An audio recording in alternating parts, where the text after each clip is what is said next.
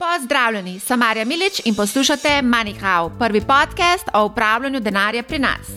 Zadnje čase opažam, da se vse več ljudi boji domnevno prihajajoče inflacije.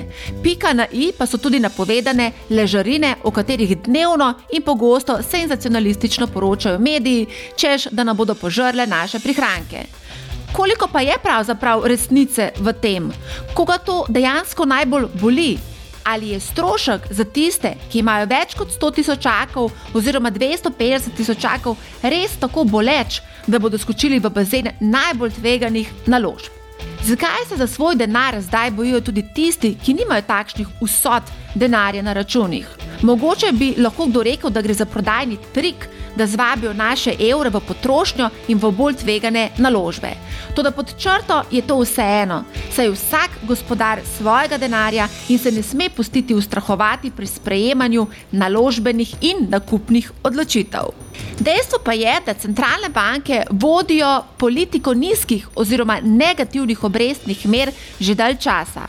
To za nas potrošnike prinaša dve zadevi. Prvič, cenejša posojila zlasti za nakup nepremičnin, česar smo seveda vsi veseli, manj pa smo veseli noro visokih cen stanovanj, ki so postale za povprečen žep slovenca že davno nedostopna.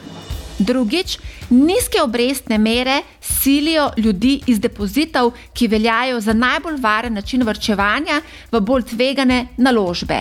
Žal, večina, ki se odloči za ta prehod, pogosto ni ustrezno opremljena z znanjem in zavedanjem o nevarnostih, ki jih prinaša investiranje v naložbe, kot so delnice, nepremičnine, obveznice, zlato in druge alternativne naložbe.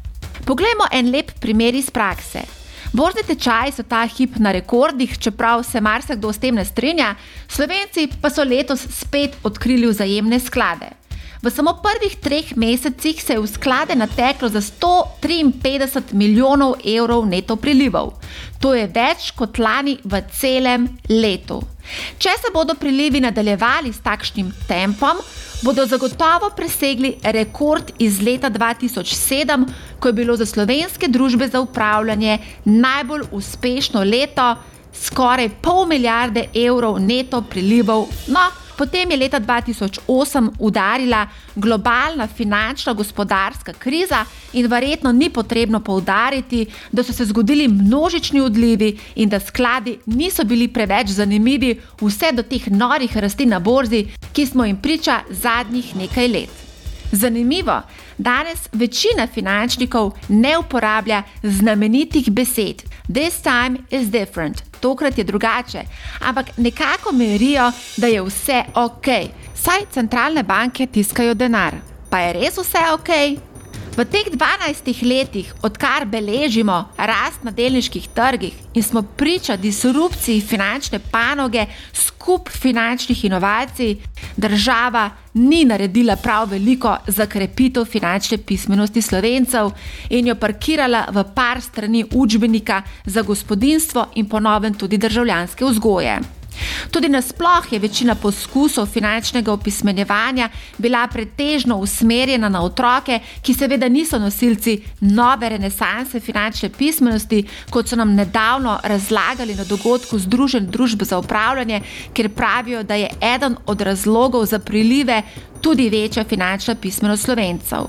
Povedali pa so, da so verjetno prilivi tudi posledica napovedi uvedbe ležarin. Niso pa povedali, da večina prilivov v sklade beleži družba za upravljanje, ki je v lasti banke in ki je prva napovedala uvedbo teh famoznih ležarin. Da ne bo pomote, menim, da je za dolgoročne cilje nujno potrebno vrčevanje v delniških naložbah, vendar je pri tem potrebno ohraniti trezno glavo in čeprav padajo rekordi, je treba imeti pred očmi dolgoročni horizont. Donosi v zgodovini nikoli niso prišli čez noč in ravno to je zaskrbljujoče v trenutnem okolju. To vsekakor ni enostavno, saj tudi opažam poplavo vsebinskega oglaševanja in trženja strani ponudnikov storitev in tudi drugih v smislu, kdaj, če ne zdaj. In kar je najbolj moteče, je to, da se v nekaterih teh člankih lepo v celofan zavito oglašujejo pretekli donosi, pa tudi pričakovani oziroma zasledovani, kot se radi izrazijo oglaševalci.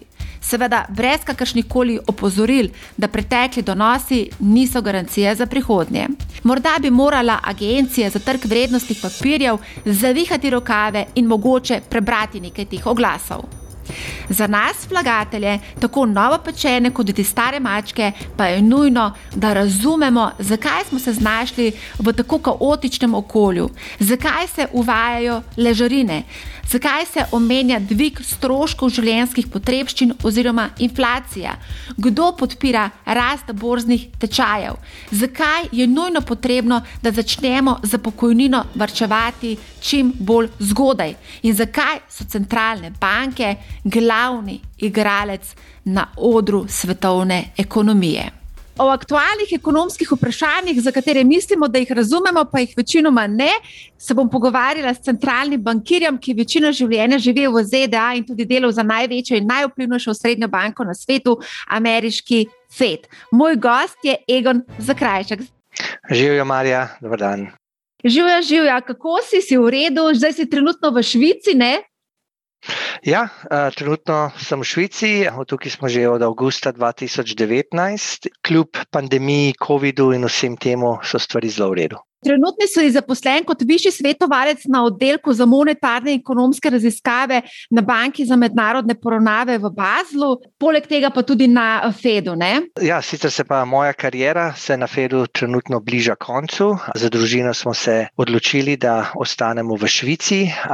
Ta naš dvoletni izlet in moj obisk na Banki za mednarodne poravnave se bo nadaljeval v prihodnost, kar pa seveda pomeni, da se ne bomo to poletje vrnili v Washington in bomo ostali v Bazlu. In kar seveda pomeni, da po 25 letih dela na Fedu se bom tehnično upokojil s koncem julija in potem gusta začel stalno za novim delom tukaj v Bazlu. Vam je očitno švicarski zrak zelo všeč.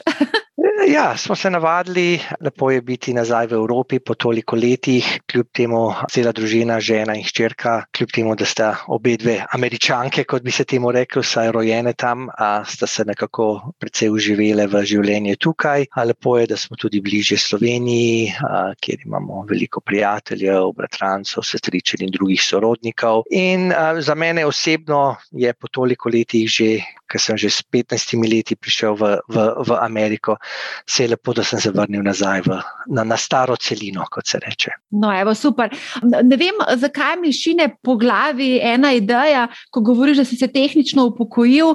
Vem, da veliko američanov je del gibanja FIRE, Financial Independence, Retire Early, tudi marsikateri slovenec fantazira o tem, a mogoče poznaš to gibanje. Ja, mislim, seveda, seveda poznam to gibanje. To gibanje ni bi rekel, ni samo uh, posebno v Sloveniji. Zdi se mi, da je to nekaj v vseh razvitih državah. Ljudje bi si radi čim prej zagotovili nekako finančno neodvisnost, kar pomeni, da lahko uradno nehajo delati in začnejo delati druge stvari, in tako naprej. Se pravi, to je bistveno lažje eh, nekako urediti v ameriškem sistemu, ki je veliko več prepušča tvojemu individualnemu ajetko pristopu. Tam nekako javnih pokojnin ni, mislim, tiste tako imenovane javne pokojnine so, to niso velike vsote in, to, in s tem večino ljudi ne more živeti. Se pravi, velik del, kako ti skrbiš za svojo eh, pokojnino in kdaj se boš lahko ugotovil, je zelo zelo odvisno od tvojega varčevanja, od tvoje plače, od tvoje službe, od tvojih investicijskih eh, odločitev, ki jih delaš celo življenje, ko s tem denarjem ali premoženjem upravljaš. Če si recimo varčen, če začneš to dovolj zgodaj, če si delal dobre investicijske odločitve, se ti lahko zgodi, seveda, da, da se lahko upokojiš bistveno prej, kot pa določajo rekel, starocelinski, rekel, državni pokojninski sistemi, ki so bistveno bolj a, nekako obremenjeni strani. Seveda, po drugi strani je pa, če imaš slabe odločitve, če si začel pozno varčevati, če ti s tem denarjem nisi upravljal pametno in tako naprej, nosiš pa seveda tudi sam te posledice in je bistveno, bistveno manjša ta socialna mreža, kar po eni strani ima seveda tudi lahko slabe efekte. Z veliko stvari, zelo zanimivih si povedal, in v bistvu me je zdaj prešinila ena misel. Pogovarjala sem se s predsednikom uprave NLB skladov, ki je povedal, da marsikateri slovenec začne v bistvu vrčevati, potem ko se otroci odselijo od doma. To je približno tam v 50 letih. A je to dovolj zgodaj? Ne, to je absolutno, absolutno prepozno. Bistveno najbolj pomembno, kar je, je, da se začne vrčevanje kot se da zgodaj, zato ker vse nekako na, na to temelji na, na času, se pravi, obrestni račun. Bistveno boljše je, da ti začneš vrčevati, če si že, pa tudi če lahko daš na stran samo 50 evrov na mesec, da to začneš delati. Vem, v svoji prvi službi, če ti začneš vrčevati zgodaj, ti lahko ta denar investiraš v bistveno bolj tvegane investicije, ki imajo seveda višji pričakovani donos. Če, če ti računaš, da moraš nadoknaditi vse denar, ki ti manjka v petih letih, mislim, razen če boš dobil loterijo, boš to zelo težko naredil z investicijami. To je ta dolgoročna zadeva, da pravi, večinoma to pomeni delnice. Tako z časom se ta denar z leti preliva iz bolj tveganih investicij v manj tvegane investicije, da ko si ti potem na koncu, proti koncu, ko ta denar rabiš, je v bistvu v popolnoma varnih in likvidnih sredstvih in jih ti res lahko likvidiraš. Se pravi, to, tu je čas najbolj pomembna zadeva. To so čiste osnove, kar se zdaj v bistvu pogovarjava. Slovenci se pa nekako bojimo vseh teh naložb, sploh bolj tveganih. In tudi, recimo, danes sem se pogovarjala z eno mladenko, ki je rekla: Ja, ampak mene je strah, jaz ne upam kar tako investirati svoj denar. In ta strah je v bistvu nekako ucepljen strani naših staršev. In če se lahko zdaj dotaknem tvoje v bistvu zgodovine, ti si odraščal v Ameriki, pri 15 letih ste šli v Ameriko in verjetno je je v bistvu tudi ta Amerika tebe nekako izoblikovala, v bistvu ti je dala ta ameriški način razmišljanja, morda tudi kar se tiče samega vrčevanja, investiranja. Videl si veliko stvari, ki se dogajajo v Ameriki, kako ljudje živijo in kako težko preživijo v bistvu lahko tudi svojo pokojnino. Tudi Sloveniji težko živijo s pokojnino. Ja, ne, absolutno. V veliki meri so te stvari zelo, zelo pogojene, a je tako v kakšnem okolju odraščaš. V Ameriki, na primer, recimo za slovenskim, nemškim ali kontinentalnim socialnim sistemom javnih pokojnin ne obstaja. To je nekaj, kar dve stvari so. Prvič, tako imenovane pokojnine v smislu, da ti se upokojiš in boš dobil redno plačilo, mesečno plačilo svoje pokojnine. Skoraj tega ni. Večinoma, bi rekel, vsaj v privatnem sektorju so te tradicionalne pokojnine v bistvu že pred 10, 15, 20 leti so že zginile. Večinoma pokojninski stvari, ki jih ti dobiš kot recimo zaposlen, je to, da določen del tvoje plače, recimo letno bruto plače, ti lahko investiraš v pokojninski sklad. In zdaj sta dve stvari. Prvič, ta odstotek, recimo, rečemo, da je 6-7 odstotkov, ti lahko to investiraš v pokojninski sklad, in potem tvoj delodajalec dodaja določen prispevek. In to je odvisno od delodajalca. Nekateri delodajalci dajo dolar za dolar do določenih procentov, nekateri dajo 80%, nekateri dajo 100% do prvih 3% plače, naprej 80%. Tako da je seveda nekaj razlik. Ampak prvič ti s tem, ko ti daš ta denar, to ti zmanjšuje davčno osnovo, ker ti ne plačuješ davek na ta dohodek, dokler tega denarja ne boš vzel ven, kar je seveda desetletja globoko v prihodnosti. In seveda tvoja služba plačuje za vsak dolar, ki ga daš ti v ta pokojninski sklad, da da služba še en dolar, ne, tako do določene, določene mere. Se pravi, tle so bi rekel, spodbude so take, da če ti odpreš, ko greš v službo tega pokojninskega sklada, ti nekako denar puščaš na cesti, ga ne, ne pobereš. Je, to ti ne garantira plačila ven, ker ti potem se tudi moraš odločiti, kako boš ta denar investiral. Ne. Ti s tem denarjem ne upravljaš sam, nekdo upravlja, ampak ti odločiš, koliko bo v tveganjih, koliko bo v varnih investicijah in tako naprej. Tako da ta proces se začne bistveno bolj zgodaj v ameriškem profesionalnem življenju, kot pa recimo v kontinentalni Evropi, kjer greš ti v službo, imaš redni pokojninski prispevek in boš nekako dobil nekakšen procent plačila ven, če ga boš dobil. Seveda, ni garantirano, ampak v principu se je nekako vlada zavedala v tem. Ta sistem je nekako bistveno drugačen, da nimaš teh tradicionalnih penzij, kot jih mi razumemo v, v slovenskem sistemu, v Ameriki skoraj ni več.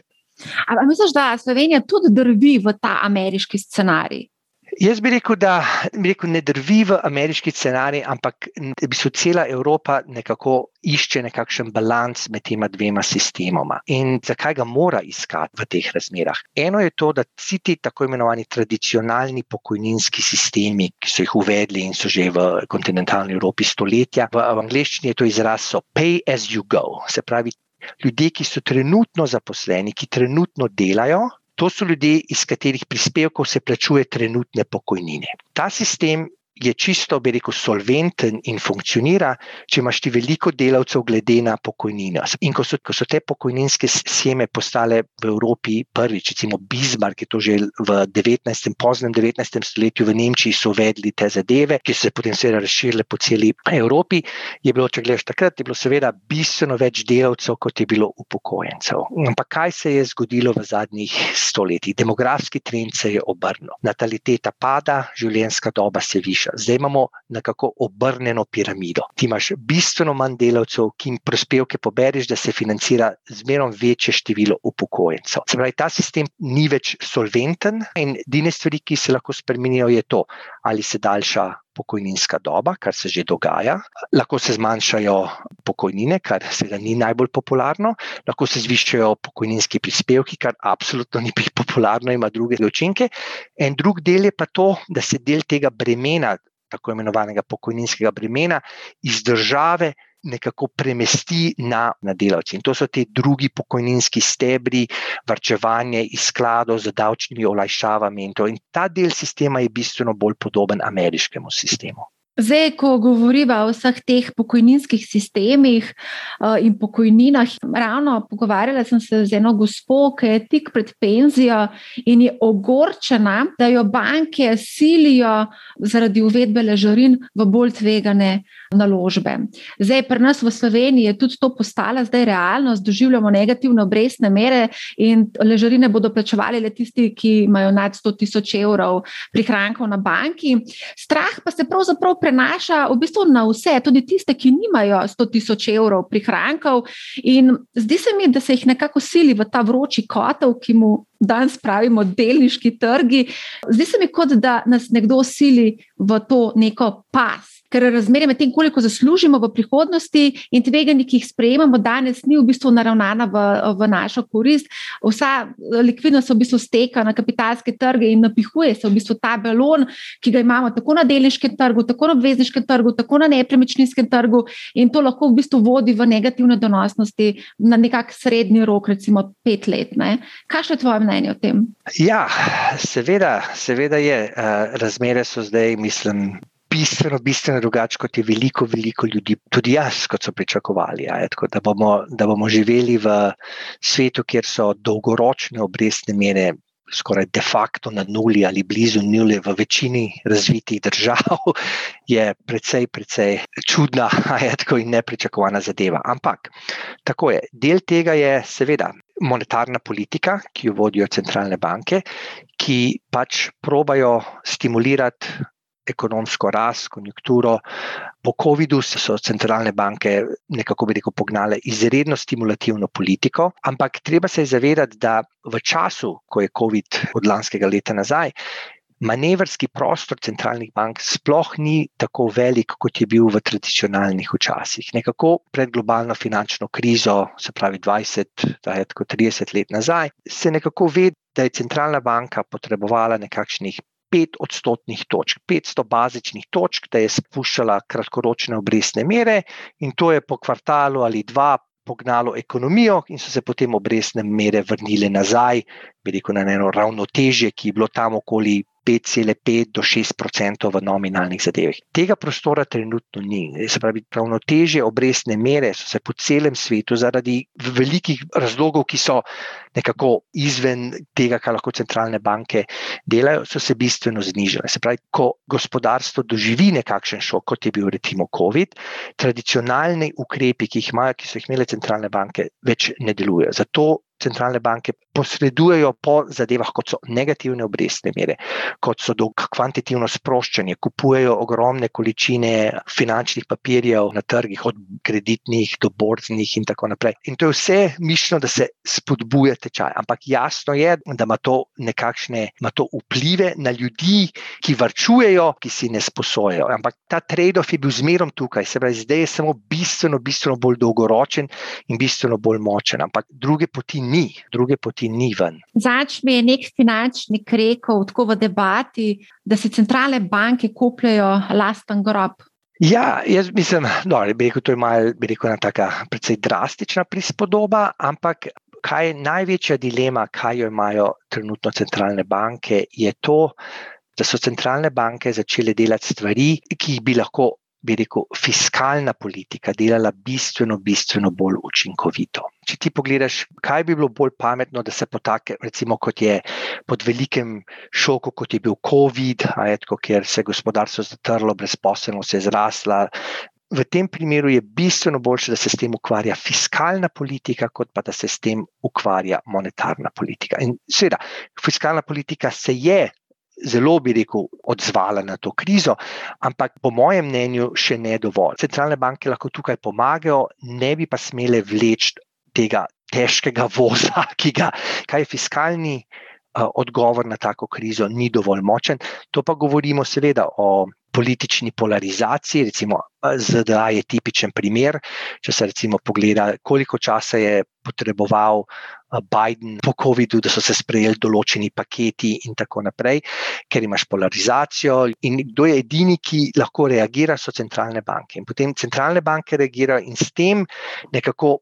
Porivajo to mejo, kaj je nekako njihov območje, v katerem operirajo. In, in v tem smislu je, je stvar postala bistveno, bistveno bolj delikatna. Tamani Hau posluša pretežno mlajša populacija in imajo, po moje, kar malo težav z razumevanjem, kaj je monetarna in kaj je fiskalna politika. Ali lahko to čisto na poenostavljen način razloživa? Absolutno. Najlažje je razložiti fiskalno politiko. Fiskalno politiko jo dojameš takoj, ko pogledaš svoj ček iz službe in, in vidiš vse uh, odbitke od plače. Fiskalna politika je razlika med tvojo bruto in neto plačo, recimo tako, v najbolj enostavnem pomenu. Fiskalna politika je to, kar vodi. Vlada in seveda vse zadeve, kaj vlada plačuje, od obrambe do javnega zdravstva, do javnih pokojnin, in to, to je fiskalna politika.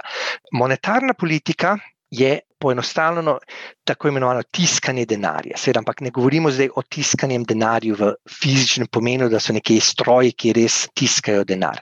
Mi govorimo, monetarna politika je odločanje o kratkoročnih ali dolgoročnih obrestnih merah. In to je nekaj, kar delajo neodvisne centralne banke, neodvisne v smislu, da se jim dale mandat, kot je recimo stabilizirati inflacijo, poskrbeti za dolgoročno ekonomsko rast, da se vlade, ki so izvoljene, imajo politične cikle, so dali to oblast nekakim tehnokratom, centralnim bakirjem, ki so ponovadi izvoljeni ali nominirani za bistveno dalj časa in niso tako odvisni od političnih pritiskov. In centralne banke naj bi skrbele za nekako dolgoročno finančno in makroekonomsko stabilnost, in to se dela v vseh modernih državah z kontrolo obrestnih mer. In se, to je bistveno bolj v zakulisju, tega ljudje ne čutijo, še tega se posebej ljudje niso čutili v normalnih razmerah, ker so bili ti monetarni ukrepi bistveno kratkoročni, obrestne mere niso bile na nuli ali negativne, ampak se so stvari se zdaj spremenile in centralne banke so bile porinjene na, na center odra in seveda ljudje zdaj gledajo in pravijo, mislim, halo, prosim, kaj pa zdaj tukaj gre, zakaj pa jaz več ne dobivam dobenih dohodkov na svoje državne papirje in tako naprej. Tako da, tle je ta osnovna razlika.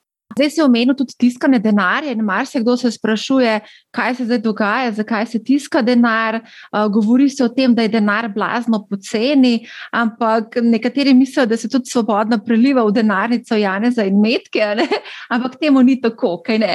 Ne, seveda ni tako. Je to, kar si rekla, da je denar poceni, to je seveda res. Pravi, kaj je cena denarja? Ja, cena denarja je obrestna mera. Cena denarja za en dan je enodnevna obrestna mera, cena denarja za deset let je desetletna obrestna mera. Te obrestne mere so negativne ali na, na ničli, se pravi, denar je zelo poceni. Zakaj centralne banke, zakaj so ukrepale, da so pocenile, da so znižale ceno denarja? Ceno denarja se zniža, da začneš ekonomsko rast.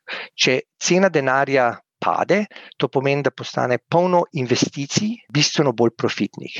Podjetja si lahko sposodijo denar po nizki ceni, s tem kupijo nove stroje, zaposlijo nove ljudi, odprejo nove tovarne, ti ljudje, ki pridejo v službo, dobijo plače.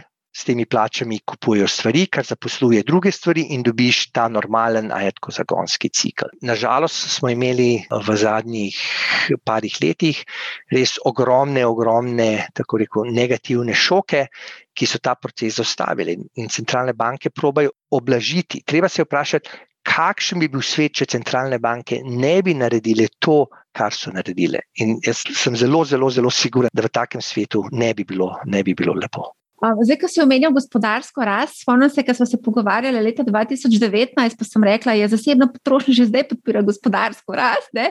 In se mi zdi, da se je takrat malo razburil v smislu, da se postavlja vprašanje, kot da je v bistvu zasebno potrošnja nekaj slabega, naložbe pa nekaj dobrega. In to se mi je zdelo en tak zelo dober point.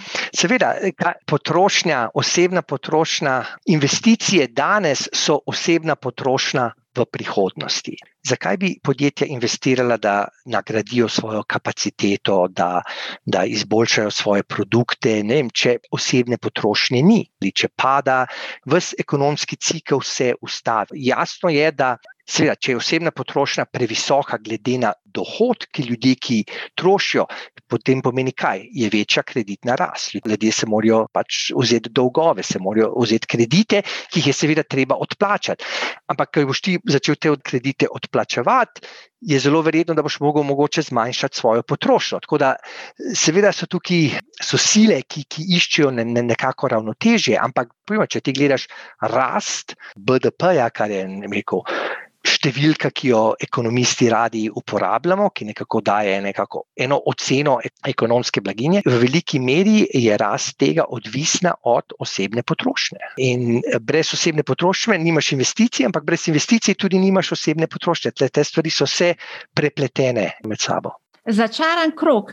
Ampak zdaj, trenutno, ko beremo razne raziskave, in tudi v Sloveniji se veliko govori o teh rekordnih prihrankih, ki jih imamo na bankah. Trenutno v Sloveniji 23 milijard, tudi v Evropi so nore številke, in ta delež v BDP-ju v primerjavi z razporom v EU tudi pri nas ni tako zelo dramatičen. Je pa zanimivo to, da mediji imajo nek fetiš na te depozite, češ koliko denarja imajo ljudje in kam bo ta denar šel. Zdi se mi tudi zelo tak dober argument in zelo priročen za tržnike in prodajalce, recimo kakšnih nepremičnin, pa finančnih produktov, pa tudi mogoče kakšnega časopisa. Absolutno. Ljudje še zdaj, trenutno, zaradi vseh omejitev, ki jih imamo zaradi COVID-a in tako naprej, pač ne moreš zapraviti denarja, ne moreš iti v restauracijo, ne moreš jeti karibske otoke. Bi rekel, ta možnost potrošnje se je no, absolutno zmanjšala, ampak to se je zmanjšala me mehanično, se ni zmanjšala zato, da bi se ljudi to odločili. To je bilo pa zaradi pandemije.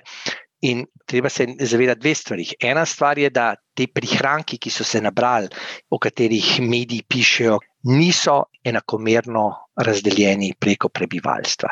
Te prihranki so zelo skoncentrirani med ljudmi z višjo izobrazbo, z dobrimi službami. Je veliko, velik del, eh, segment delovne sile, ki teh prihrankov nimajo, se pravi, še posebej ljudje z, z nižjo izobrazbo, ki, ki so delali v panogah, ki so bile izredno prizadete zaradi te, vseh teh ukrepov. Te ljudje so doživeli obratno zadevo. Njihovi prihranki so se še znižali. V veliki primerih so mogli vzeti še kredite ali jed v svoje pokojninske in v druge prihranke, da so preživeli. Tako da ena zadeva, kar je in to bo imelo zelo dolgoročne posledice, še bi rekel, leta in leta po COVID-u, je, da se je bistveno povečala neenakost v družbah. To je ena zadeva. Druga zadeva je, kar si to rekla, je, kaj se bo zgodilo z temi ekscesnimi prihranki, ki si jih je določen segment populacije mehanično nabral. Zdaj, težko je to reči, to bo zdaj odvisno od ljudi in kaj bo zdaj njihov, mislim, njihov odgovor na to. Ampak so bile recimo zanimive ankete v, v Kanadi, v Veliki Britaniji in, in v Italiji in tako naprej. Veliko držav, ki kažejo nekako to, da določen del teh prihrankov se ne bo sprostil, ne bo šel direktno nazaj v potrošnjo. Ljudje, negotovo se je povečala in ljudje, ki si lahko to privoščijo, bodo imeli bistveno više prihranke v prihodnosti. To je ena zadeva. Druga zadeva, del teh prihrankov je bil, da so se zmanjšali trenutni dolgovi, kar je v redu. Seveda, del bo šel nazaj v potrošnjo, kar je normalno, en del je pa investi seveda, investiran, ampak investicije. Se relativno dovolj pozna na nepremičninskem trgu, kjer so se cene zelo dvignile, a je tako in v, tudi v drugih, veliko finančnih investicijah. Ampak to ni dovolj, da se razloži, kaj se je zgodilo z cenami na, na finančnih trgih v zadnjih parih letih ko govoriva o vsej tej potrošnji, vsem tem spodbujanju te gospodarske aktivnosti, seveda eh, govoriva tudi o potencijalu, oziroma govori se zdaj tudi o pojavu inflacije, kar je v bistvu zelo zanimivo. Ravno včeraj je potrkal na naša vrata en gospod iz nekega podjetja in nam je pripravljen ponuditi elektriko za 15% ceneje. Kaj je za forest tole inflacijo? A bo ali ne bo?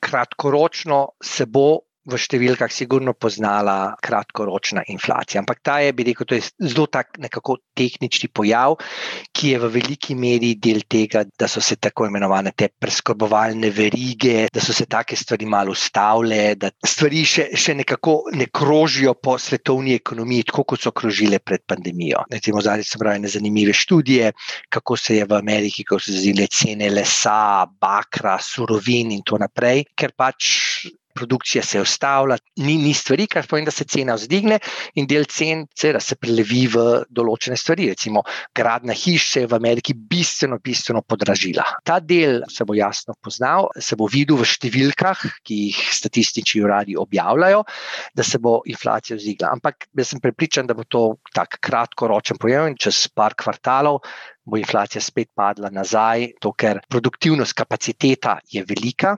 centralne banke imajo kredibilnost, tako da tudi če se inflacija začne. Mal večati, finančni trgi in drugi akteri v ekonomiji računajo, da se bodo centralne banke odzvale na to. In po drugi strani je bi rekel, kar zelo dvomim, da bomo videli, je to, da se bodo te, recimo, za kratkoročno više cene, da se bo to začelo prelivati v bistveno više plače. Negotovost delovne sile je velika, kako delamo, kaj delamo, kje delamo, kako delamo, ker to se vse spremenja in, in v teh časih, rekel, delavci nimajo veliko moči, da bi lahko zahtevali više plače, ki potem porinejo podjetje, da se zviše cene in nekako padeš v to spiralo. V Tako da zelo, zelo dvomim, da inflacije v smislu, kakšne dolgoročne, ne bomo doživeli. Torej, je še vedno na mizi. Japonifikacija, če temu lahko tako rečem, se pravi, japonski scenarij. Ja, ja, jaz sem pripričan, da je to bistveno bolj verjetni scenarij, kot pa nekakšna hiperinflacijska zadeva, ki je bila sproščena z tako imenovanim tiskanjem denarja centralnih bank. Ne, tukaj te globalne sile, ki držijo inflacijo na nizkem nivoju, se bodo vrnile in te sile so bistveno, bistveno bolj. Močne, kot pa reko, tako kratkoročni impuls, ki, je, ki izhaja iz tega COVID-a kriza. Tako da zelo verjetno je, da bomo živeli v, vsaj za nekaj časa v scenariju obrestnih mer, dolgoročnih obrestnih mer, ki bodo zelo, zelo nizke, in a, za nizko inflacijo, in nekako, kot se je rekla, nekakšen japonski, japonski scenarij.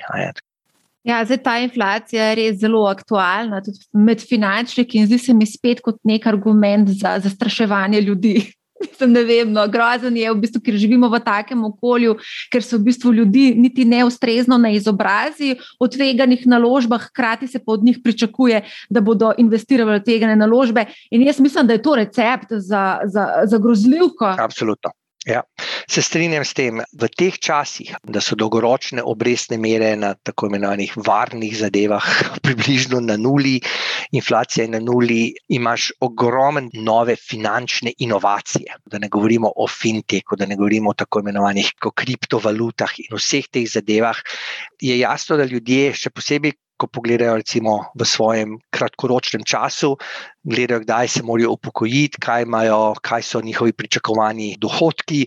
V tem smislu veliko ljudi je v paniki in nekako igrajo loterijo. Si mislijo, da okay, zdaj bom pa šel v izredno, izredno tvegane zadeve, ne razumejo tega osnovnega trade-offa med risk and return, kot se reče, in to je zelo, zelo težko. Zato še zmerom je zelo, zelo pomembno ta dolgoročni pogled, da ti imaš investicijski horizon, ki je desetletja dolg, tvegane investicije, ti seveda dale, ti zviši poprečen dohodek, ampak to ne v petih letih. Večina ljudi, ko bojo videli prve pace tečajev, recimo, ko, se, ko bojo padli tečaje za 20%, in ko se bo tista številka na računu mečka znižala, nam bojo zagnali paniko in bojo zbežali. Danes sem bila na eni miro, novinarski mirovni konferenci, bila sem na novinarski konferenci, ker so nas dejansko res finančniki merili, da je vse super. Pravijo, da vlagatelji, ki prihajajo v zajemne sklade, da so finančno pismeni in da tudi vse bolj posegajo po tveganih naložbah. Ampak kaj meniš, da je finančno opismenilo ljudi praktično čez noč? Pandemija ali izjemni donosi ali to, da nas eh, s strahom poskušajo prepričati, da gremo v tvegane naložbe. Ne vem, če, če, če se strinjam s tem, da, da je velik del uh, prebivalstva čez noč postal finančno pismen. Nažalost, mislim, seveda, finančna industrija ima pač svoje interese, je, da, da promovira določene hipoteze. Zdi se mi, da je, ja, ljudje se zavedajo, da v teh razmerah so prisiljeni, da grejo v bolj tvegane investicije. Zdaj, vprašanje je, koliko se o tem ljudi izobražajo, koliko razumejo osnovne pojme pojme diverzifikacije in, in vseh teh zadev. Imáš del populacije, ki je izredno izobražen, ki se to zaveda, ampak v veliki meri ne razumejo rekel, določenih stvari, in, in zmerno več tega tveganja se prenaša na njih. In, in to je res osnoven problem. Še posebej na tanko to, kot si rekla, če trenutno te tečaji padajo za 20%, bo velik procent ljudi, ki je kupil delnice na najvišji ceni, seveda rekel, ok, uh, zdaj pa je z tega dost in, in, in je konec. To je na tanko ta obnašanje, ki je najbolj, najbolj neracionalno vizavi pametnega investiranja. Ja, zdaj imamo že 12 let bikovski trend in v bistvu vsi paci, ki so se v bistvu vmes zgodili, so bili zelo kratkoročni. Zelo hiter odboj smo imeli, tudi marca 2020 je bil cak 35, cok, gor, nazaj, smo že nazaj, vse je ok, ni panike, gremo dalje, žgod do konca. no, del tega je, je bil odgovor centralnih bank. Cena delnic je zelo, zelo odvisna od dolgoročnih obrestnih mer, ki so seveda odvisne od pričakovanih kratkoročno obrestnih mer, ki so obrestne mere, ki jih kontrolirajo direktno centralne banke. Poglejva za SP 500, se pravi borzni indeks v ZDA. Če ti gledaš recimo tako imenovan price to earnings, se pravi ceno glede na kaj bodo te firme za službe, da to nekako se normaliziramo. In če ti še gledaš, kje so dolgoročne obrestne mere, bi rekel, ta razlika, ok, je, sej je stock market market je, bi rekel, drag, ampak ni pa zdaj v 95% distribucije. Je tam nekje med 80 in 70, pravi, je, cene so visoke, ampak glede na to, ki so obrestne mere, pa to zdaj ni na totalen rekord. Tako da centralne banke tukaj bistveno podpirajo finančne trge. No, ko govorimo zdaj o precenjenosti, me pa zanima, kako Fed gleda v bistvu na delniške trge. Ali ima kakšne modele, s katerimi meni pošteno vrednost trga? Ja, absolutno je polno različnih modelov, bi rekel, empiričnih, teoretičnih, hibridnih modelov, ajtko, ki se gleda, ki se proba nekako oceniti, kje je vrednost, glede na tako imenovane osnove ali fundamentals. Zakaj, zakaj centralne banke, ne samo, zakaj skrbi, zakaj skrbijo za delniški trg? Problem je, če pade delniški trg za 25%, ljudje so bolj revni, ko imajo manj bogatstva, se pravi, da ustavijo svojo potrošnjo. To je manj potrošnje, gospodarska rast se, upo, uh, se upočasni, brezposelnost naraste, inflacija lahko pade, in to so stvari, na katere Fed mora reagirati. To je ta mehanizem. Ko rečeš, da stock market pade za 75%, in ne bo imel to dobenega vpliva na re, tako imenovano realno ekonomijo. Dobena centralna banka ne bo naredila nič, da bo to oblažila. Pač to se dogaja, to je sideshow, mislim, v tem smislu centralne banke skrbijo za tako imenovani sideshow, ko se to prelije v realno ekonomijo. En tipičen, zelo lep primer te razlike je to. Ampak v zgodnjih 2000 letih je počutil ta tehnološki balon na ameriškem trgu, tako nezdak. No, zgubil 75 procentov svoje vrednosti, ampak koliko se je to poznalo na realni ekonomiji, je bilo neverjetno malo. Mala reakcija Feda, bila je nekakšna en kvartal slabe ekonomske rasti, in potem so se stvari popularne. Medtem ko je bila pa seveda kriza 2008-2009 bistveno, bistveno bolj drugačna. Ja, ampak tudi zdaj, recimo, konkretno je bil odziv monetarne politike petkrat večji kot v finančni krizi leta 2008. Ja, je bil, seveda, ampak zato, ker vzroki krize ajat, so, so bistveno, bistveno drugačni. To je čisto drugače. To ni bila kriza, ni izvirala iz finančnega sistema. Kriza je res bila tisto, ajat, iz vis major, višja sila ajat, v tem smislu in tako naprej. Tako to, je, to je prva zadeva. Druga zadeva je, da centralne banke niso imele dovolj manevrskega prostora, da se to naredi samo z kratkoročnimi obrestnimi merami, in so se seveda odzvali z vsemi drugačnimi programi. Tle so centralne banke nekako prehodile skoraj v fiskalno politiko. Tle se je ta meja med monetarno in fiskalno politiko izredno, izredno nekako. So se stvari malo pomešale. In tle, kako se bodo centralne banke umaknile iz tega prostora, to je zanimivo vprašanje. Ja, v bistvu vse to, kar zdaj govoriš v tem kontekstu, imam pa jaz v bistvu še eno, v bistvu kar skrbne. Država se v bistvu nebrzdano zadolžujejo za zajezitev posledic pandemije. Kako bo zadolžena država v bistvu sposobna urediti že prej neurejene razmere, imamo cel kup problemov glede pokojninske blagajne, zdravstva. Kako bomo v bistvu živeli, že kako bodo živeli naši otroci, morda vnuki? Seveda, bi rekel, vse te težke odločitve bodo prišle v prihodnosti.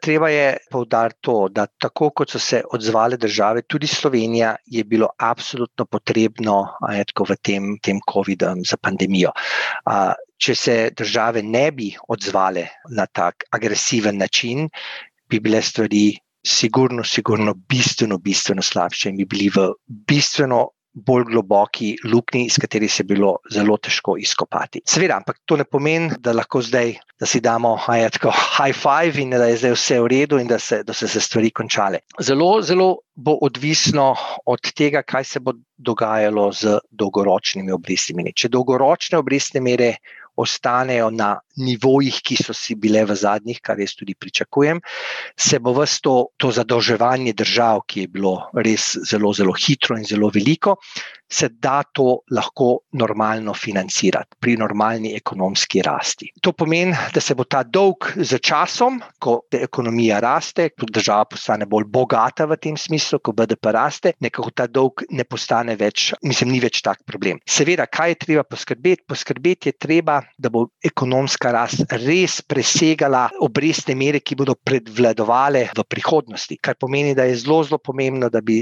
da seveda, še posebej v državah kot je Slovenija, kjer si, kot si omenila, bili določeni strukturni problemi, da se začnejo v prihodnosti vlade resno s tem ukvarjati. In to govorimo o pokojninski reformi, o reformah trga dela, da se prinavi nove investicije, inovativnost in vse te stvari, da se proba zvišati gospodarsko rast na čim bolj, govorimo o desetinkah, četrtinkah odstotnih točk, je to ko se to gleda čez desetletja, neverjetno, neverjetno pomembno. In tle bo rekel to trenje, tako, kako ti zagotoviti eno dolgoročno ekonomsko rast, ki bo presegla obrestne mere, da ta dolg ne postane res problem in da potem ne destabilizira ajetko celega, celega gospodarstva. Zdaj moramo pa samo še uskladiti politiko, da bodo delali v interesu države in državljanov. Ja, no, to je pa demokratska odločitev slovenskih eh, državljanov. To je pač tako. Ko smo se na zadnje pogovarjali, tudi, je bila v igri tudi recesija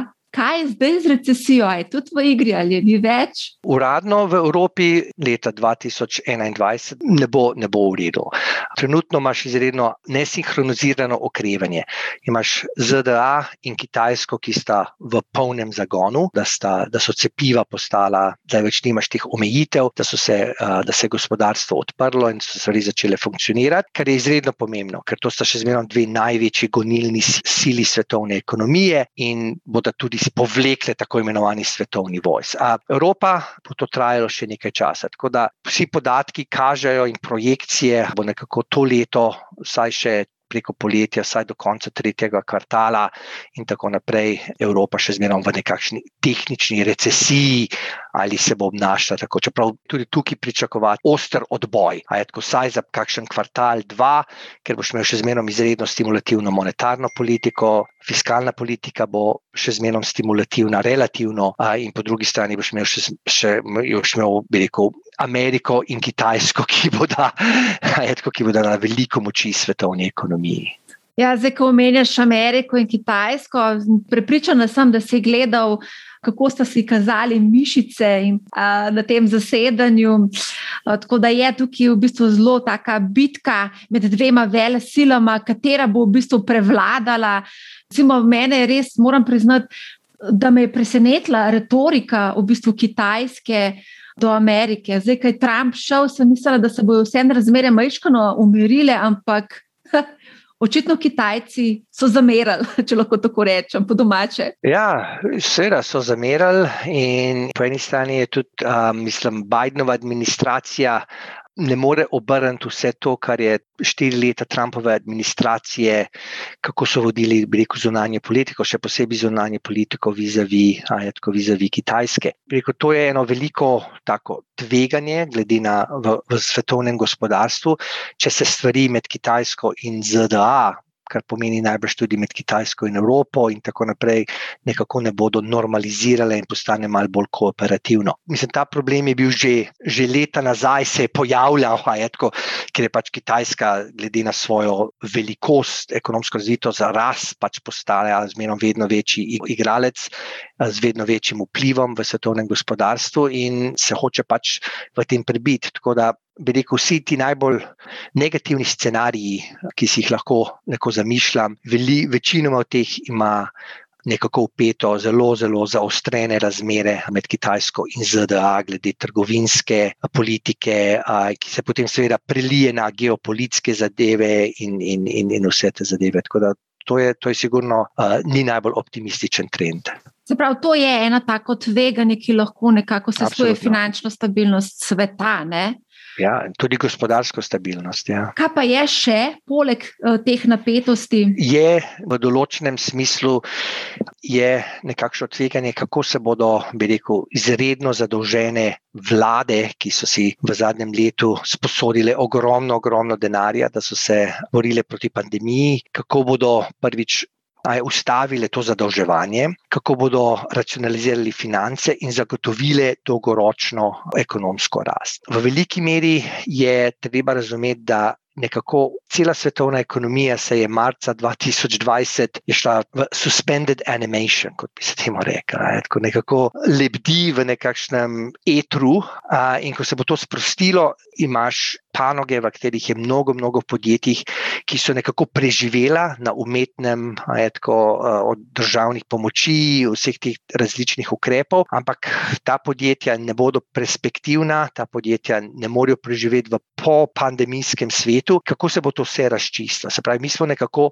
preložili bankrote, ampak to ne gre v nedogled. Enkrat se bo vsa ta državna pomoč umaknila, včasih zelo hitro, včasih mogoče celo nespretno, in uh, so možnosti, da se, da se zgodi, da imaš spet naval bankrotov, ki lahko zelo negativno vpliva na, na, na zdravje bančnega sistema, ki potem vodi v kreditni krč, ki ustavi ekonomijo, še v vedno večjih bankrotov, in tako naprej. Tako da tle imaš tudi nekakšen, bi rekel, negativni scenarij, ki obstaja. Druga zadeva je pa, bi rekel, iz bolj dolgoročnega vidika, tako imenovan ta supply side, kako ti povečati produktivnost gospodarstva. To je zelo težko narediš, če ekonomija gre čez rekel, težko realokacijo dela, trga, kapitala in tako naprej. Kako bomo delali, kako bomo delali zdaj? Boš, bomo zdaj vsi delali od doma, od te naprej. Kaj to pomeni? Mislim, vse ta spremembe ekonomije pomeni, da, da nekako to traja, ta proces traja in ta proces nekako zavira produktivnost. Seveda, na koncu, ko se to vse razčisti, produktivnost tako lahko raste, ampak v tem času se posebej take velike realokacije, je pa jasno, da produktivnost pade, ker, ker se mora sistem prilagoditi. Ampak seveda, če pade produktivnost, pade gospodarska rast, kar ima svoje slabe posledice, ki potem lahko vpliva in, in, in tako naprej. Tako da ne, stvari so, stvari so delikatne, obstajajo negativni scenariji, kar je bilo za pričakovati po tako, tako velikem negativnem šoku, kot je bil COVID. Se pravi, imamo veliko prikritih stečajev, kar pomeni, da je tudi veliko prikrite brezposelnosti, in v bistvu to nas bo vse še nekako počakalo. Na tanko je tako. S tem procesom se, se, se sploh še nismo začeli ukvarjati. Če pogledaš, recimo, število bankrotov v razvitih državah, glede na ekonomsko rast, ponovadi tle precej visoka pozitivna korelacija. V zadnjih parih letih je tle totalna divergenca, zgleda, da nekaj ne funkcionira. Ampak to bo še prišlo.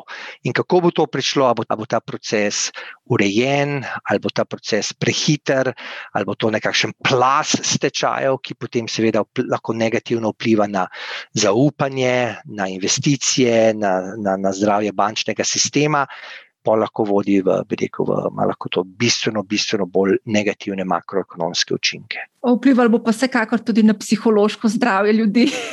No, seveda, absolutno. In seveda s tem na, na finančne trge, in, in tako naprej. Ja. Naslednji teden zaseda FED. Ali obstaja varijanta, da bi FED priprla pipo, in kako, to, kako bo to vplivalo na delniške trge in posledično tudi na naše naložbe? Ne, mislim, da se bo Fed odločil, da je treba pač, bi rekel, umikati monetarni stimulus, tako zakonuje, bodo to signali tega bodo bistveno, bistveno, bistveno prej. Monetarna politika je v veliki meri komunikacija s trgom in, in je v bistvu to ni nič drugega kot pa upravljanje z pričakovanji. In, in na to se Fed precej dobro spozna, včasih seveda tudi, tudi Fed ga zna polomiti, kar se je zgodilo, ampak to je precej, precej redko. Tako da, če ti gledaš vse komunikacije, ki jih guvernerji, predsedniki izjavljajo, je jasno, da bo Fed šel naprej podpiral gospodarstvo, kar ga tudi more, glede na svoj mandat. V tem smislu je, je jasno, da ne bo dobenih presenečenj. Zdaj, ko si omenjal stimulus, sem se spomnil na mlade, ki so preimenovali ta stimulus v Stimi. In v bistvu na TikToku je izredno veliko finančnih nasvetov mladih, kako investirati ta denar v najbolj donosna podjetja in iščejo jih na podlagi preteklih donosnosti. Se pravi, investiraj vse v Teslo, a pa v v druge super donosne naložbe. To je nažalost investicijska strategija, ki, je, ki ti garantirano tako prinese negativne ali ničelne donose, seveda. Ampak ja, v, v sistemu, kjer ne moreš pričakovati, da boš lepo delal, pričakoval pokojninske prihodke in se pri 67-ih upokojil za lepo.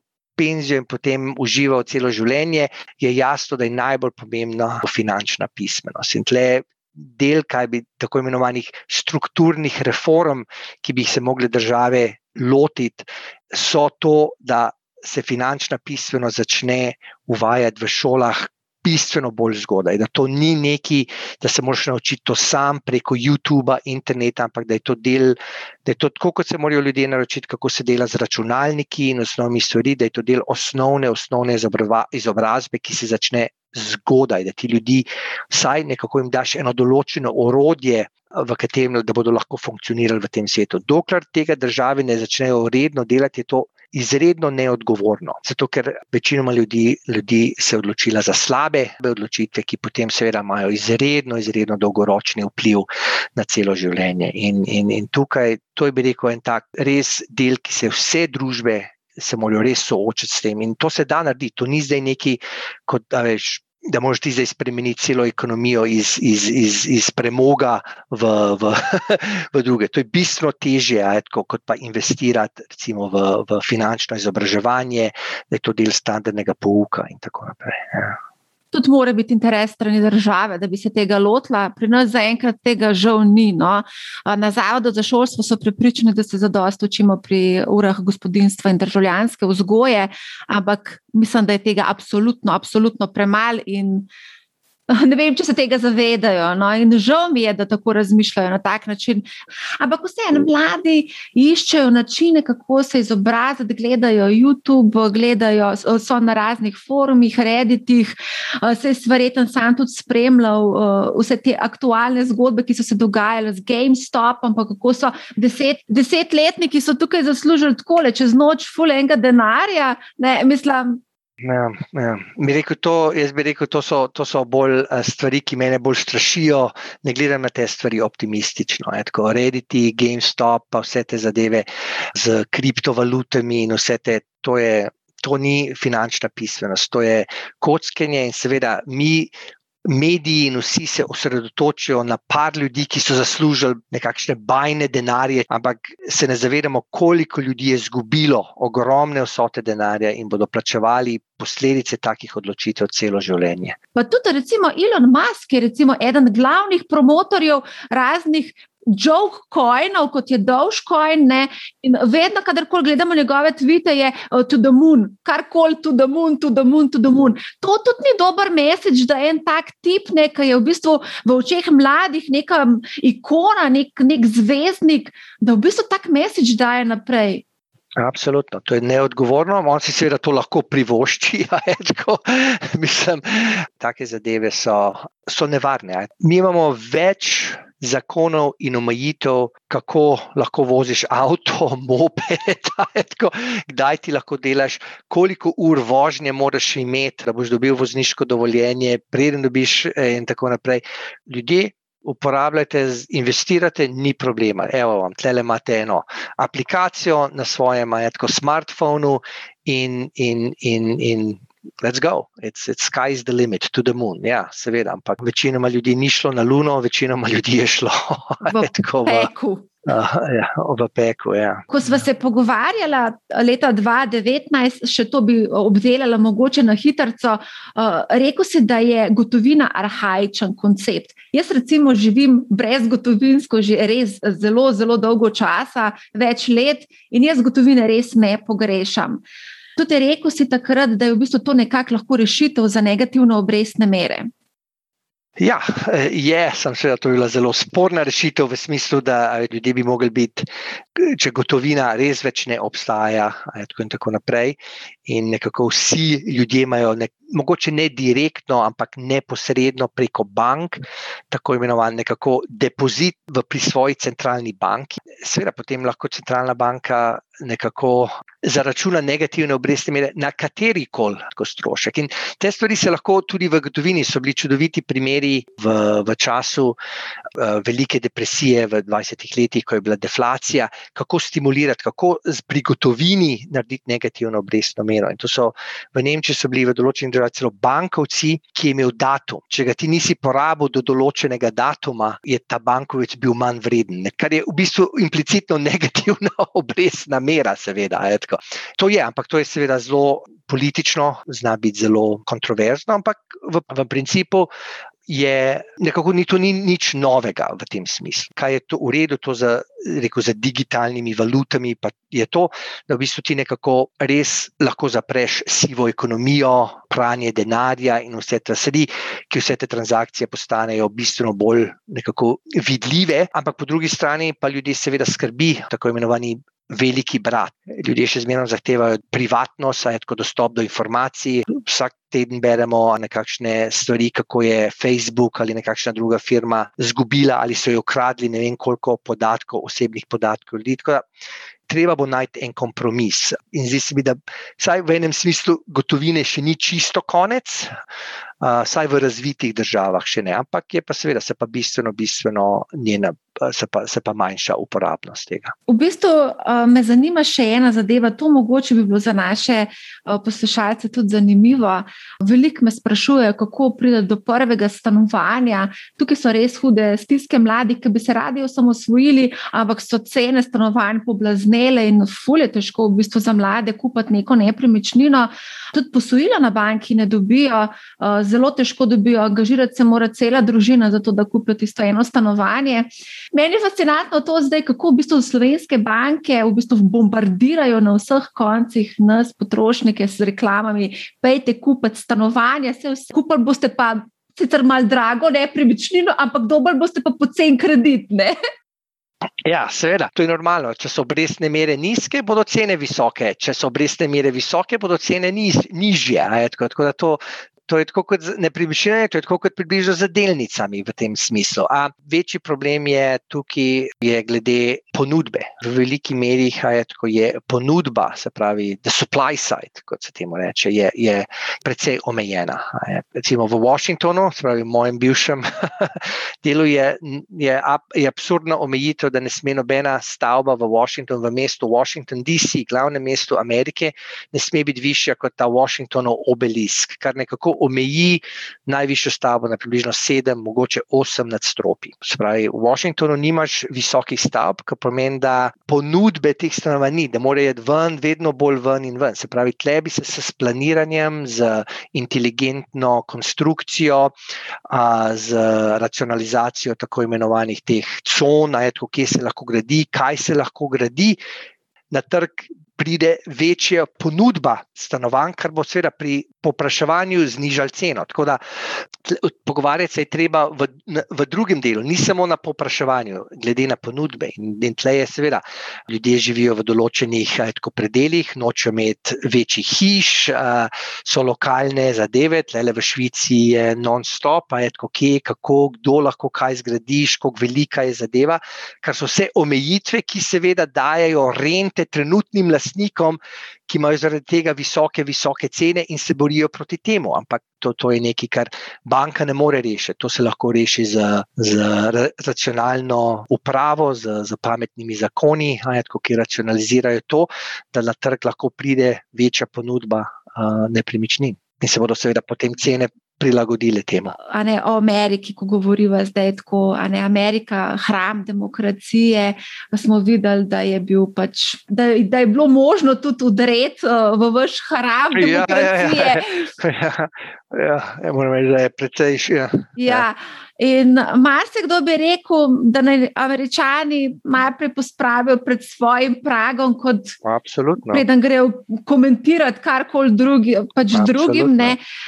Ja. Živimo v takem fake obdobju, imamo fake donose, če lahko zelo tako posplošim. Fake vrednotenja podjetij, uh, imamo fake Instagram zgodbe. In tukaj sem se spomnila na en ameriški pregovor: Fake it till you make it. ja, ja. Ja, ne, jaz bi rekel, da to, kar, je, kar se je zgodilo v Ameriki po volitvah, se pravi jeseni, pa januarja tega leta, da je bila to, to je bila. Je nekako izpostavila tudi to krhkost ameriške demokracije. Se absolutno strinjam s tabo, da zmerno je bolje, da pometeš pred svojim pragom, preden greš očitati drugim. In Amerika tega ne posluša najbolj v ozadju so, bi rekel, taki tektonski premiki, ki niso samo v Ameriki, ja, tudi v, v Evropi, tudi tukaj v Švici, tako imenovanem raju, ja, imaš, so, so, so globoki problemi. Polarizacija družbe je ogromna, ekonomske razlike, razlike med dohodki in bogatstvom so na nivojih, ki so bili v letih ko se te stvari niso dobro končale. Govorimo o nivojih neenakosti, ki so predvladovali pred začetkom Prve svetovne vojne, technological progress, je, tako, vse, globalizacija, vse te zadeve. To so procesi, ki je del prebivalstva neverjetno, neverjetno porinu naprej, ampak je pa pustil velik, velik del ljudi od zadaj. In ti ljudje nimajo varnostnih služb, nimajo socialnih mrež, ni imel si velik tektonski premik v zgodovini, v bistveno manjšo, manj progresivnost davčnega sistema, ajetko še posebej v anglosaksonskih državah in tako naprej. Tako vse te neenakosti se tudi zdaj izkažejo v, rekel, v politični polarizaciji, v populizmu, ki prevladuje v vseh. Tako da vse demokracije so trenutno, bi rekel, v predvsem bistveno bolj krhkem stanju, kot so bile že dolgo, že dolgo časa. In če se, ne, mislim, in če se res ne bomo začeli s tem kot družba, je, tako v demokratični družbi, s tem ukvarjati in nekaj najti en uh, konsens, nekakšen kompromis in nekako zmanjšati te razlike, ja, potem, potem znajo biti pa stvari izredno, izredno delikatne. Zelo težko ne zavidam našim uh, vnukom in drugim generacijam, kako bodo živeli v takem svetu. A še vedno velja, če kih na Amerika, da se prehladice v svet Ja, zaenkrat še ja. ja. Zdaj bo problem v tem, da bomo živeli v svetu, kot jih ne Amerika, kot jih ne Kitajska. da, ja. Pa bo vse splošni prehlad. Pa bo vse splošni prehlad, absolutno. Zdaj samo upamo, da bodo kihali različnih, ob različnih časih. Ja, to je dobro. Okay, Deva en na svet za konec. Kako se mali vlagatelji znajdejo v tem konfuznem okolju? razprši svoje investicije med veliko, veliko delnic, ne kupuj, ko so cene visoke, discipliniraj se, da imaš dolgoročni, dolgoročni investicijski horizon in s časom pejt iz bolj tveganih investicij v bolj varnejše investicije, v likvidne stvari. Govorimo o, končno govorimo o kešu, tako imenovanem majetku, ampak v tem se pravi, to je ena zadeva in absolutno, absolutno ne. No such, kot se reče v angliščini, there's no such thing as a quick buck. To je star pregovor, prav, kako si na delniškem trgu ali na finančnih trgih pridobiš malo bogatstvo. Je s tem, da začneš z velikim bogatstvom. Treba se je zavedati, da stvari, ki jim raste cena, globalno, ki, imajo, ki so v medijih, v katerih so na vseh teh social medijih in tako naprej, ki imajo ogromne donose, da so to finančni inštrumenti, ki zraven tega imajo tudi veliko, veliko, veliko tveganje. In da moš gledati zmerom obe dimenzije, donos. In in nekje naj to razmerje med tem, ki seveda odvisno, kje si, kako je tvoje finančne stanje, tako, v katerem delu svojega življenja Eh, si, kjer je to cikl svojega življenja, in tako naprej. Pa v vsakem primeru, dolgoročni, dolgoročni investicijski pogled je najbolj, najbolj pomemben. Super, jaz bi sam še nekaj v bistvu vprašala. Zdi se mi, da američani so nekako bolj vajeni cone neudobja, znajo skakati iz cone udobja v cono neudobja. Recimo, jaz sem tudi skočila v cono neudobja, s tem, ko sem zapustila časnik finance. Uh, meni je bil ful zanimiv tvoj odziv. Jaz sem sicer takrat dobila res ogromno nekih odzivov, mailov, ampak tvoj je bil pa mogoče mečkan drugačen od ostalih. A dovoliš, da povem, kaj si mi povedal? Seveda, absolutno. Napisal si mi, da sem naredila veliko dobrega in da če potrebujem kadarkoli referenco ali pa karkoli drugega, da ti sporočim. Poslal si mi tvojo osebno številko mobitela in rekel, da si mi na voljo za brainstormanje. Jaz sem ostala v bistvu po domače povedan, čist spičleš, tako da iskrena hvala za to zaupanje. Ne vem, mene zanima, zakaj ti gledaš na ta odziv, da je bil to presenečen odziv. Jaz, imela sva določeno sodelovanje, a, jaz zelo mislim, te stvari, ki si ti delala na časniku finance, tvoja angažiranost, a, je tako za finančno pismenost, to so stvari, ki jih jaz zelo, zelo cenim. Sem res videl, da si naredila veliko, veliko dobrega, lahko bi naredila še več dobrega in upam, da še boš, imaš še bogato kariero pred sabo. Tukaj je oseba, ki je dela zanimive stvari, ki dela stvari, ki so v dobro društvo, a, je, tako, je izredno, izredno sposobna. Taki ljudi je treba podpirati. Je a, to, je, to je tako imenovani network effect. Ti ljudje bodo potem podpirali druge podjetne in kreativne ljudi, in s tem bomo naredili nekako napredek kot družba. Tako, tako da meni se zdi to podpora takih ljudi je izmerom dobrodošla. Žal mi je, da, da nisi dobila bistveno več takih sporočil, kot sem jih jaz poslal. Ja. Ne, dobila sem res veliko sporočil, so me tudi zelo podprli. Uh, je pa tako, ne, da v bistvu zdaj nadaljujem s tem delom, ki sem ga v bistvu začela na časniku finance preko tega podcasta Manihau in zdaj dosegam tisto populacijo, ki morda preko tiskanega medija nisem mogla. Uh, moram priznati, da je bila za mene tudi cona neobdobja, ta prehod. Tako kot verjetno mogoče tudi zate, ko si sprejel odločitev, da ostaneš v Švici, da zapustiš po 25 letih fetana. To je tudi verjetno neka cona neobdobja. Ne? Absolutno, absolutno. So, so noči, ki se zbudim se sprijem za glavo, o, kaj sem pa zdaj naredil. Ampak, okay, tako je. Treba, treba je malo nekaj. To je del življenja. Evo, super, najlepša hvala, Egon, za krajšek, za res ful zanimivo debato. Zmeri se zelo rada pogovarjam s tabo, ker izvem res veliko zanimivih stvari, tako da iskrena hvala. Marja, hvala tebi, bilo je zelo zanimivo, ti želim veliko uspeha in seveda nadaljuj z, z izredno pomembnim in dobrim delom, ki ga delaš. Pripričana sem, da je marsikdo prvič prišel v stik s takšno vsebino in je morda šele zdaj pridobil občutek za vpliv centralnih bank, monetarne in fiskalne politike na naš vsak dan. Vse je sklenjen krok in vsako spremembo hitro čutimo v žepu. Izpostavila pa bi tri zadeve. Tako kot je omenil Egon za krajšek. Imejte pred očmi dolgoročni horizont, razpršite tveganje in začnite vrčevati za pokojnino čim prej. Vrčevanje ni nič drugega kot potrošnja v prihodnosti. Zato ne jemljete tega tako dramatično, saj gre za princip malo manj danes, bistveno več v prihodnosti. Nizke obrestne mere bodo očitno še z nami. To pomeni, da bodo tudi posojila za stanovanje še nekaj časa tako poceni. Res pa je tudi, da bodo banke iskale načine, kako ustvariti prihodke. Zato lahko pričakujemo vse večji prenos stroškov na nas, potrošnike. Ne samo to, tudi pokojnina bo vse bolj na naših plečih. Državljani bomo namreč še leta, verjetno prej desetletja, čutili vpliv pandemije COVID-a, saj bo vse te dolgove potrebno servisirati. Zato se ne zanašajte preveč na državo. Network effect ima neverjetno moč, pravi Egon. Če želimo živeti v dobro stoječi družbi, potem se moramo podpreti in dati na stran predsotke in fušijo, ker konec koncev vsi strmimo k istemu cilju, to je lepše in bolj polno življenje.